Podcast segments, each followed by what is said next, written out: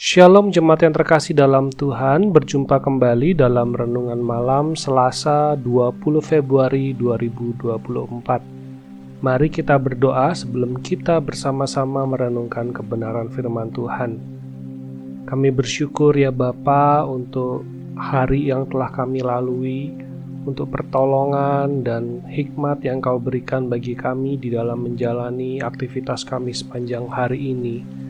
Dan pada saat ini bersama-sama kami akan merenungkan kebenaran firman-Mu. Biarlah roh kudus Tuhan menolong kami agar kami boleh mengerti, agar kami boleh terus diarahkan untuk hidup di dalam kehendak dan rencana-Mu. Di dalam nama Tuhan Yesus kami berdoa. Amin. Bersama-sama kita akan melanjutkan perenungan kita dari surat pertama Paulus kepada jemaat di Korintus. Pasal 6 Mengapa ada di antara kalian yang berani pergi kepada hakim yang tidak mengenal Allah untuk mengadukan saudara seiman kalau ia bersengketa dengan saudaranya itu? Mengapa ia tidak minta umat Allah menyelesaikan perkara itu? Apakah kalian tidak tahu bahwa umat Allah akan mengadili dunia ini?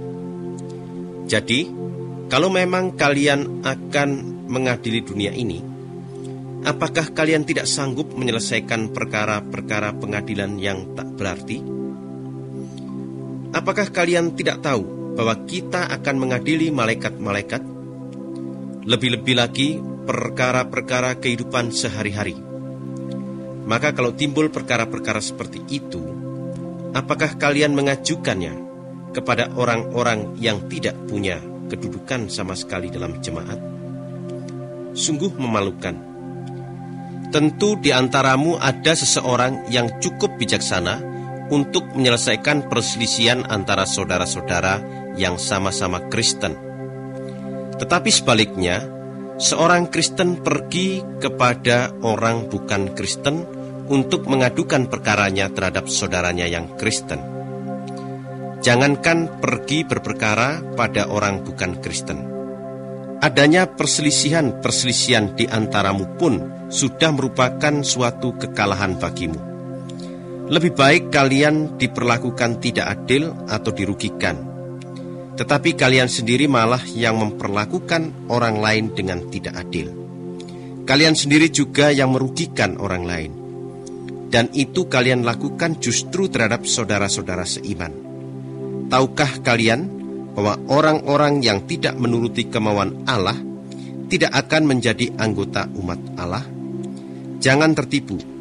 Orang-orang yang berbuat cabul, orang-orang yang menyembah berhala, yang bersinah, yang melakukan perbuatan yang memalukan terhadap sesama jenisnya, yang mencuri, yang serakah, yang pemabuk, yang suka memburuk-burukkan orang lain, dan yang memeras orang lain, semua orang seperti itu tidak akan menjadi anggota umat Allah. Beberapa di antaramu dahulu berkelakuan seperti itu, tetapi sekarang kalian dinyatakan bersih dari dosa. Kalian sudah menjadi milik Allah yang khusus. Kalian sudah berbaik kembali dengan Allah karena kalian percaya kepada Tuhan Yesus Kristus dan karena kuasa roh dari Allah kita. Ada yang berkata bahwa setiap orang boleh melakukan segala sesuatu. Tetapi bagi saya, tidak semuanya berguna. Jadi meskipun saya boleh melakukan apa saja, tetapi saya tidak mau membiarkan diri saya dikuasai oleh apa pun. Ada juga yang berkata bahwa makanan adalah untuk perut, dan perut disediakan untuk makanan. Tetapi kedua-duanya akan ditiadakan oleh Allah. Tubuh manusia tidak boleh dipakai untuk mengadakan hubungan yang cabul, tetapi hanya untuk melayani Tuhan. Dan Tuhan akan memelihara tubuh itu. Allah sudah menghidupkan Tuhan Yesus dari kematian, begitu juga Allah akan menghidupkan kita dengan kuasanya. Saudara-saudara tahu bahwa tubuhmu adalah anggota tubuh Kristus. Jadi, apakah boleh saya mengambil satu anggota tubuh Kristus lalu menjadikannya anggota tubuh seorang pelacur? Sekali-kali tidak. Atau barangkali kalian belum tahu bahwa orang yang bercampur dengan seorang pelacur menjadi satu dengan pelacur itu. Sebab dalam Alkitab tertulis keduanya menjadi satu. Tetapi orang yang menyatukan dirinya dengan Tuhan, roh Tuhan dengan roh orang itu menjadi satu. Jauhilah perbuatan-perbuatan yang cabul.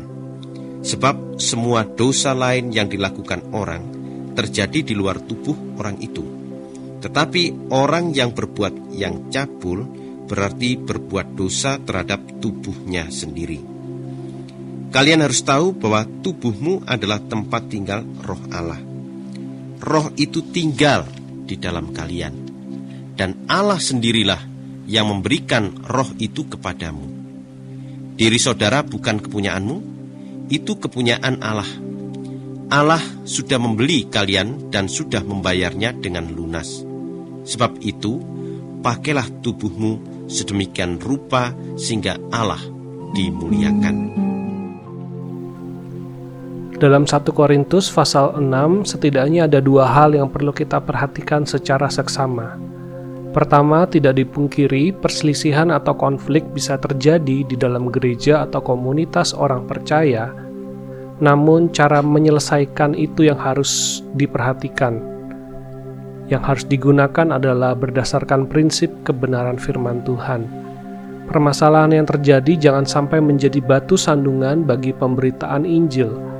Gereja hadir di tengah dunia untuk menyatakan terang Kristus.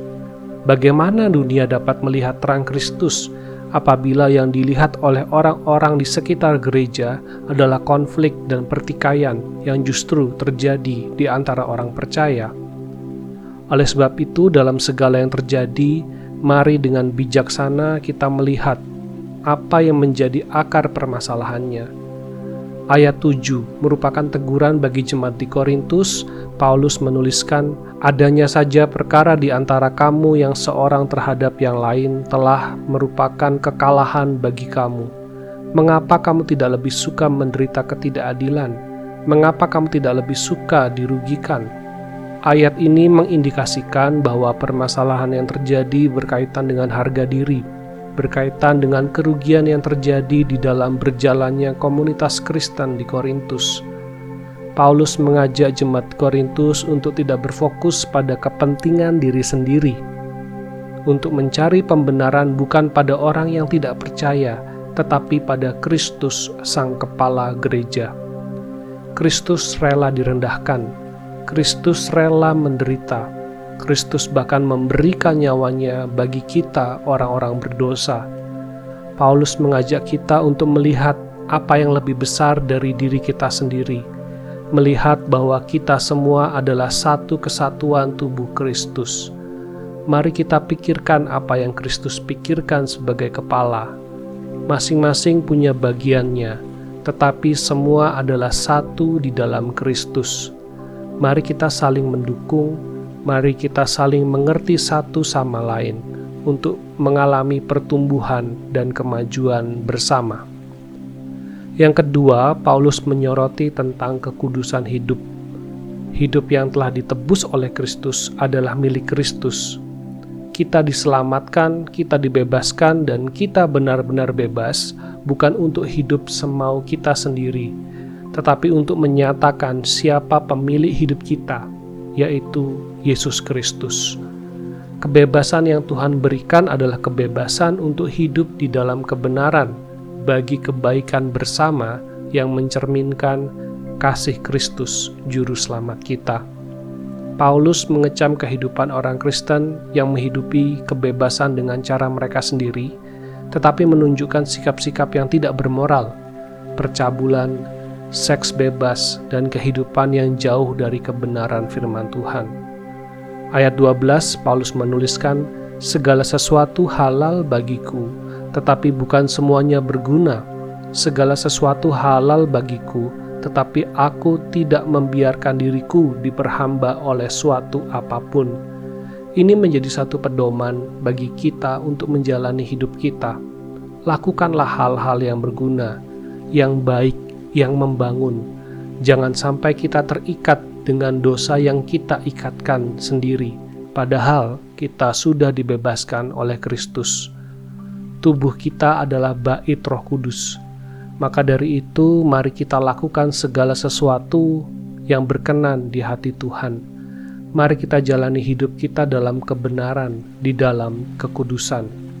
Dari pasal yang keenam ini, kita belajar untuk terus memikirkan apa yang Kristus pikirkan, dan mari kita jalani hidup kita dalam kekudusan yang Tuhan kehendaki.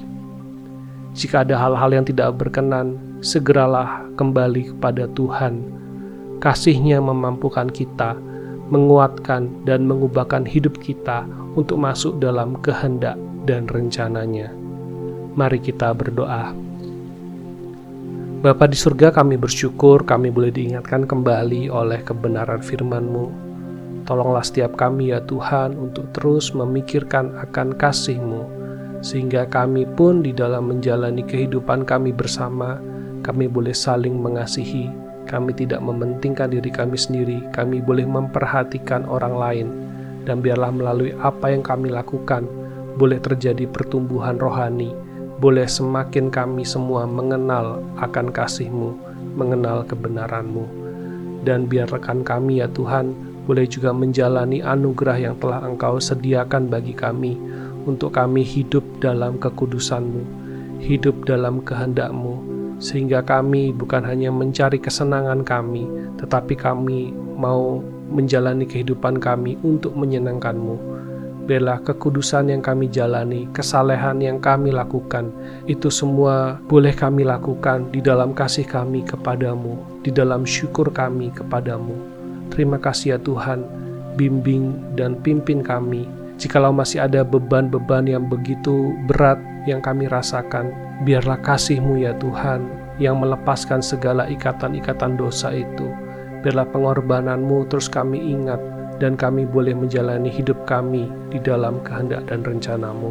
Terpujilah Engkau ya Bapa di dalam nama Tuhan Yesus kami berdoa. Amin. Selamat malam, selamat beristirahat. Tuhan Yesus memberkati.